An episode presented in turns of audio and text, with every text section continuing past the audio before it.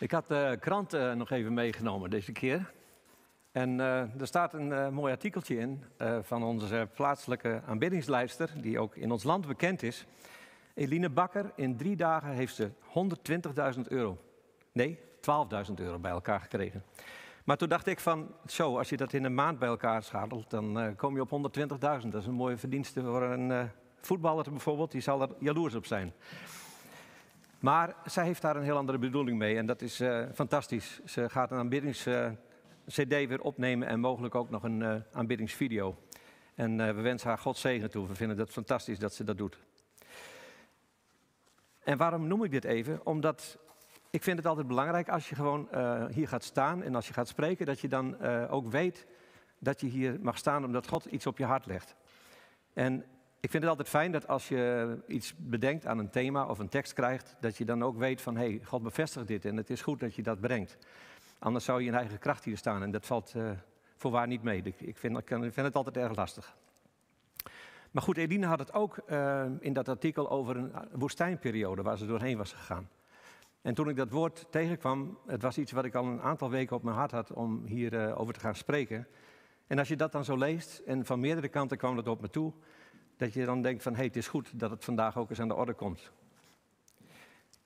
En nu hebben we net geluisterd naar een prachtig lied uit Opwekking. En het is een lied wat iets minder bekend is, of misschien wel helemaal niet bekend. Het is een lied wat ook een hele andere kant belicht van de werkingen van God in ons leven dan veel van de gangbare opwekkingsliederen. Heer, u leidde mij in de wildernis. Nou, dat lijkt nog niet een onderwerp wat je eigenlijk zou gaan gebruiken in een evangelisatiedienst. Zitten we, of zou het juist wel passen? En zeker misschien nu, omdat we toch allemaal in een soort woestijnperiode zitten, in een soort wildernis. Het is een tijd waarin heel veel zekerheden zijn weggevallen. En we hebben eigenlijk geen uitzicht hoe we hieruit gaan komen. Het dal van Agor is gelinkt aan een geschiedenis en een gebeurtenis in de tijd van Jozua.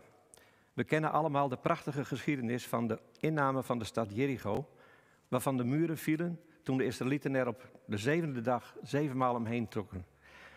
Onder luid gejuich en onder gezang, in een soort van aanbiddingsmars. Nu had God hen uitdrukkelijk gewaarschuwd dat de hele stad onder de band zou liggen.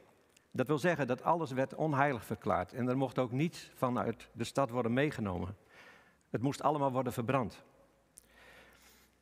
Naderhand bleek dat er een man genaamd Agan was die dit wel had gedaan. En als straf werd hij en zijn gehele huishouding in een dal in de buurt van Jericho werden ze gestenigd. En dat was het dal van Agor, een dieptepunt in de geschiedenis van Israël. Het dal van Agor is spreekwoordelijk een plaats in de wildernis geworden, waarin je in verladenheid van alles wat je dierbaar is tot bezinning kan komen. Jericho ligt namelijk centraal in een woestijngebied, de woestijn van Judea.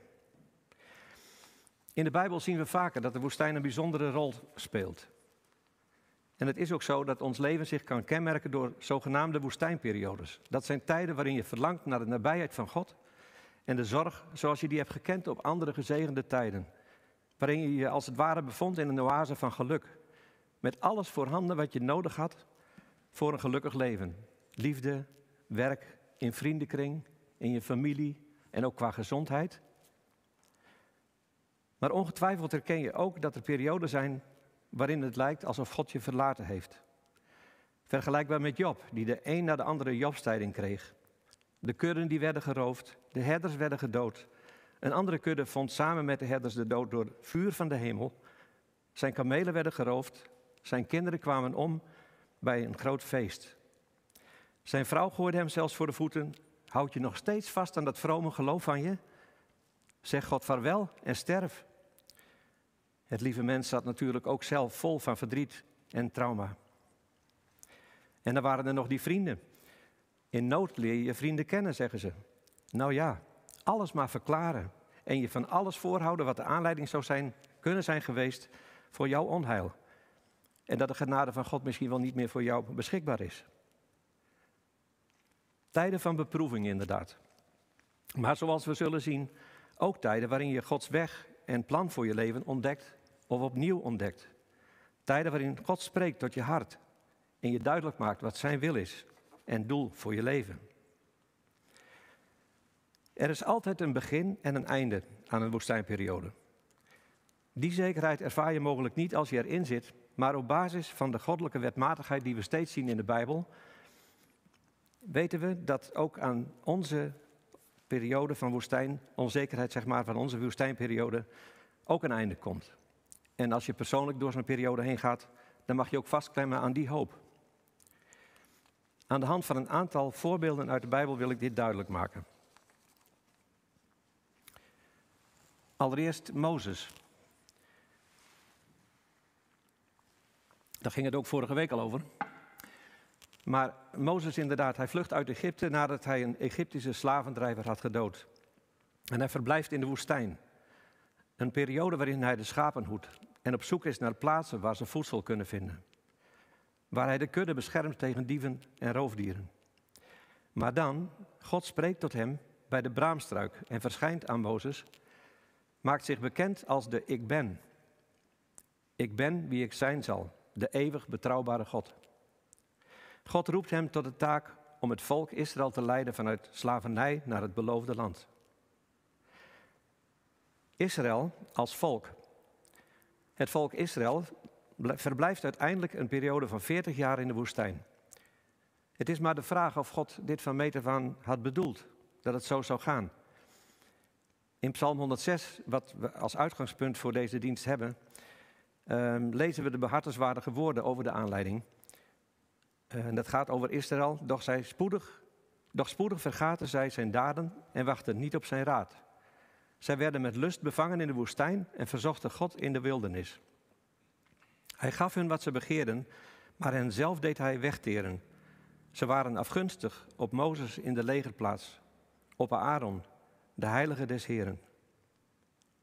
Ze maakten een kalf bij Horeb en bogen zich neer voor een, voor een gegoten beeld. Zij verruilden hun eer tegen het beeld van een rund dat gras eet. Eigenlijk staat daar, ze gaven hun eigen waarde op door een beeld van een rund te aanbidden. Ze vergaten God, hun verlosser gaat het verder, die grote dingen in Egypte gedaan had, wonderen in het land van Gam, geduchte daden bij de Schelfzee. Toen zeide hij dat hij hen zou verdelgen. En indien Mozes zijn uitverkorene niet voor hem in de bres had gestaan om zijn grimmigheid af te wenden, zodat hij hen niet verdierf. Mozes heeft uiteindelijk door zelf voor Israël in de bres te springen en bij God uh, aan te geven van ja, dit kunt u toch niet doen en zo moet het toch niet zijn en er is toch een belofte geweest van u. Daarop besloot God inderdaad die generatie niet toe te staan het beloofde land in te trekken, maar pas 40 dagen laat, jaren later. Maar uiteindelijk is Israël wat het is en is er nog steeds door Gods genade en op grond van zijn beloften. Dan Elia nog. Elia mocht Gods almacht openbaren op de karmel. De afgod Baal werd vernederd en zijn onmacht aangetoond. En de Baalpriesters, dienaren van Agab en Ezebel, werden gedood. Maar daarop hoorde Elia dat Eli, Izebel had gezworen dat hij moest worden gedood. Er stond een prijs op zijn hoofd. Hij vlucht naar de woestijn bij Beersheba, gaat onder een brem zitten en geeft aan er genoeg van te hebben. Hij wil blijven liggen en sterven, maar God roept hem via een engel, dwingt hem te eten en te drinken. Daarna krijgt hij de opdracht om verder te reizen, 40 dagreizen verder naar het gebergte Horeb. Daar krijgt hij een openbaring van God. God vraagt aan Elia, wat doe je hier, Elia? Elia zegt wat hij voor God heeft gedaan. Ik heb ontzettend geijverd voor u, Heer, de God van de Heerscharen, want de Israëlieten hebben uw verbond verlaten, uw altaren omvergehaald en uw profeten met het zwaard gedood, zodat ik alleen ben overgebleven en zij trachten mij het leven te benemen. Dan toont, God zijn aanwezigheid. Niet in de storm, zoals we weten, niet in de aardbeving, maar in een stille, zachte koelte. En dan vraagt God nogmaals: Wat doe je hier, Elia? Elia wordt door God uit zijn depressie gehaald. Hij krijgt een nieuwe opdracht. Zijn geschiedenis is een van wonderen en van bijzondere omstandigheden. De Joodse traditie verwacht Elia nogmaals om Gods kracht te openbaren. En ze meenden ook dat hij was gekomen in Johannes de Doper. En uit Openbaringen 11 weten we dat zeer waarschijnlijk Elia samen met Mozes nog eenmaal zal verschijnen als een van de getuigen om te Jeruzalem Gods almacht en oordeel aan te kondigen. In zo'n tijd leven we. En dan gaan we naar onze Heer Jezus Christus. Ook Hij heeft zijn woestijnervaring. Naast het van God verlaten zijn aan het kruis, om onze zonde te dragen en verzoening met God mogelijk te maken, behoort deze periode tot de moeilijkste momenten uit zijn leven. Hij werd veertig dagen verzocht in de woestijn door Satan, waarbij hem een gemakkelijke weg werd aangeboden, wat een enorme verleiding voor hem moet zijn geweest. Als Jezus hiervoor was gezwicht, lieve mensen, dan was er geen bevrijding meer mogelijk geweest uit de macht van Satan.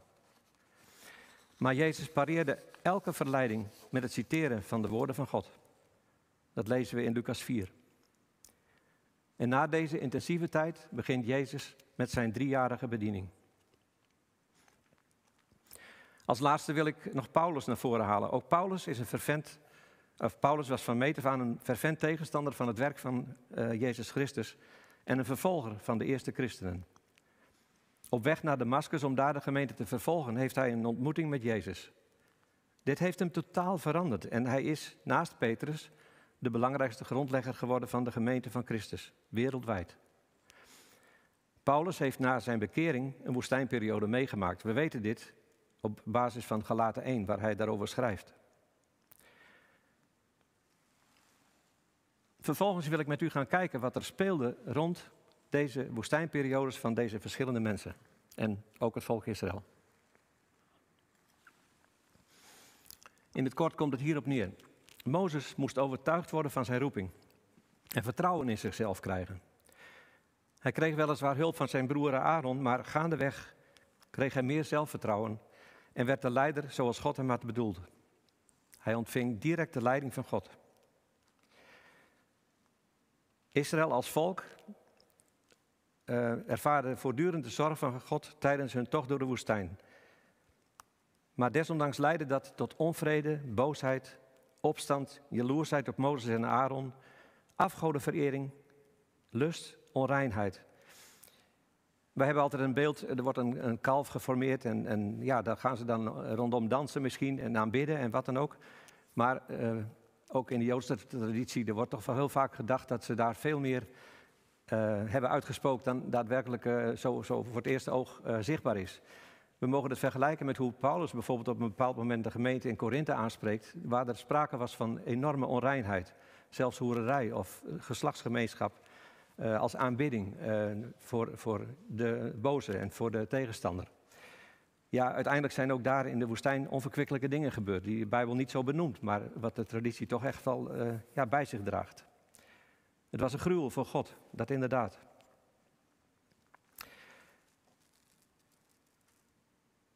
Het volk Israël is niet slechter, of uh, niet beter of slechter dan enig ander volk, maar het is het volk wat God zich heeft verkozen. En om daardoor zijn naam en zijn heerlijkheid te bevestigen aan de mensheid. Het volk heeft zich meermalen ernstig misdragen, maar toch blijft God trouw aan zijn verbond. Elia, die heeft een uh, enorme geestelijke strijd gevoerd, waarbij de onmacht van de afgod Baal openlijk aan de kaak was gesteld. Daarna raakte hij in een depressie waar God hem van bevrijdt, wat ik al zei. Maar hij krijgt de opdracht om een koning te salven daarna. En hij hoort dat er een opvolger voor hem is in de persoon van Elisa. Jezus, hij is volmaakt mens, hij is vol van Gods geest. Hij trekt de woestijn in om zich veertig dagen af te zonderen en zich te onthouden van voedsel.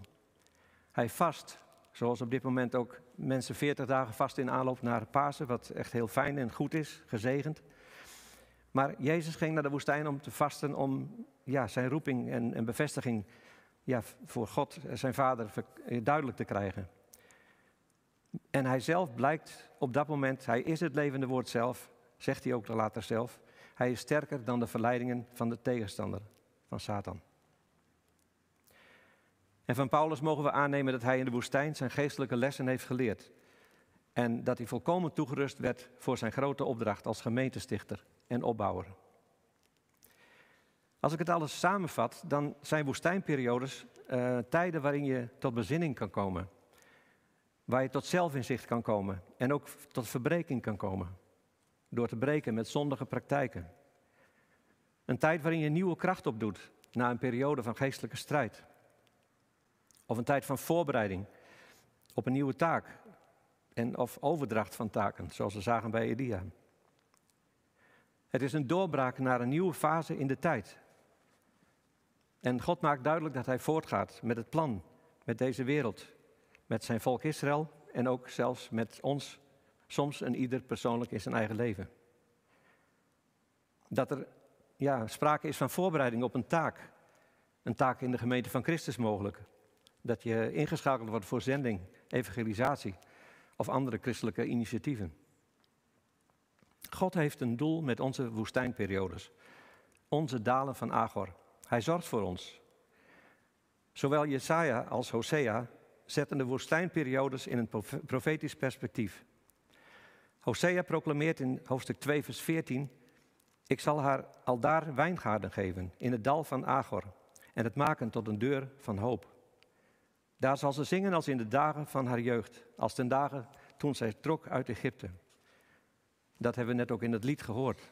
Dat lied is op basis hiervan gemaakt. Ja, en dan nog even terugkeren naar het hier en nu. Zijn we als wereldbevolking op dit moment niet in een soort woestijnperiode beland? Het treft ditmaal iedereen, niet slechts Israël en de gemeente. Dit is een collectief gebeuren dat de mensheid als geheel ondergaat. Lockdowns, avondklok, beperkte winkelopening, grote economische zorgen, geen ontspanningsmogelijkheden, geen samenkomsten, ook niet van ons als kerk. En dan die uitzichtloosheid, waar blijft de oplossing? Wanneer zal hier ooit een eind aan komen? We raken uitgeput, ons lied verstomt, klaagzang overheerst, gevoelens van wanhoop en depressie, uitingen van boosheid en woede, opstand tegen de regels neemt toe en agressie ook onderling. Dit kan niet het einde zijn. Er moet een nieuwe tijd aanbreken. Is het wellicht de komst van de Heer Jezus Christus? Als hij komt om op aarde zijn koninkrijk te vestigen? Of zal het nog een tijd duren? En volgt er eerst een nieuwe periode, een nieuwe fase met nieuwe taken, opdrachten, met nieuwe politieke structuren? We hebben deze komende week ook verkiezingen. Op basis van wat we deze ochtend mochten ontdekken bij Mozes, het volk Elia, of het volk Israël, Elia, in het leven van Jezus Christus en bij Paulus, mogen we zeker weten dat het niet alles zo zal blijven, maar dat er veranderingen gaan komen.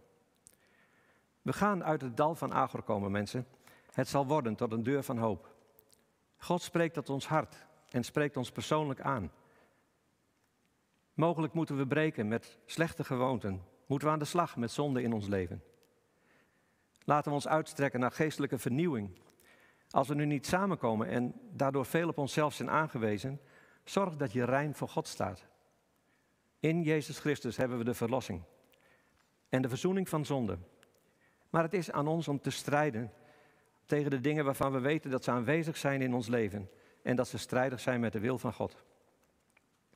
Als je Psalm 106 leest, dan kun je je verbazen over Gods barmhartigheid en over zijn trouw aan zijn volk. Het is een bemoediging om tot Hem terug te keren, om tot inkeer te komen, teshuva. In vers 9 wordt gezegd, wij hebben gezondigd, evenzeer als onze vaderen. Verkeerd gedaan, goddeloos gehandeld.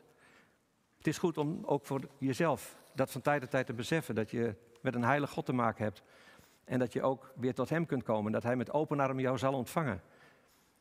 Hij heeft een garantie daarvoor gegeven door zijn Zoon, de Heer Jezus Christus, te geven.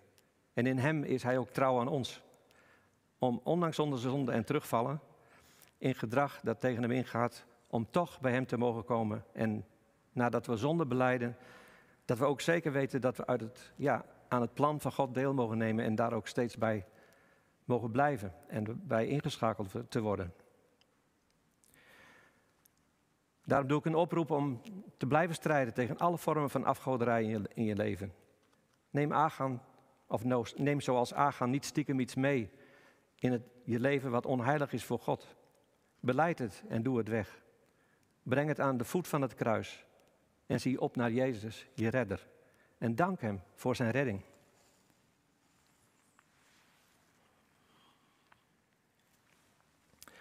En daar zegt het lied, daar kwam er mooi uit ook in de power van hoe het werd gebracht. Daar was ik heel blij mee. Zoals God eens sprak tot je hart, toen je door genade nieuw leven mocht ontvangen, door het geloof in Jezus.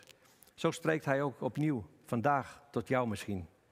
Zodat je zult mogen ervaren dat het dal van Agor in je leven een deur van hoop wordt. Dat je weer vol, vol, vol vreugde gaat zingen als in de dagen van je eerste overgave aan Jezus. In de dagen van je geestelijke jeugd. Word vervuld met de geest van God, als in de dagen van weleer. En leef uit zijn kracht. Houd vol in de strijd. Gods beloften zijn ja en amen, ook voor jou. Zijn koninkrijk zal komen en zijn wil zal geschieden. En laat het ook in jouw leven zo mogen zijn. Ik wil afsluiten met nog enkele woorden aan het begin van Psalm 106, de eerste vijf versen. En heb ik een beetje mijn eigen woorden geprobeerd te, te brengen. Halleluja, geef God alle eer, want Hij is goed. Want zijn zijn langmoedige genade is tot in eeuwigheid. Wie is in staat om alle eer die Hij verdient voor zijn geweldige werken onder woorden te brengen? Welzalig zijn zij die Gods recht en voorschriften in de praktijk brengen in alles en, in, en altijd. Denk aan mij, Heer, zoals u uw volk gedenkt. Kom tot mij met uw verlossing. Want dat geeft mij de garantie dat ik zal zien wat u in petto hebt voor uw geliefden. Dat ik me mag verheugen met het volk dat u zich tot erfdeel hebt verkozen. Amen. We gaan uh, nu een lied zingen uit opwekking. Ik meende nummer 562, maar het is Herstel ons volk.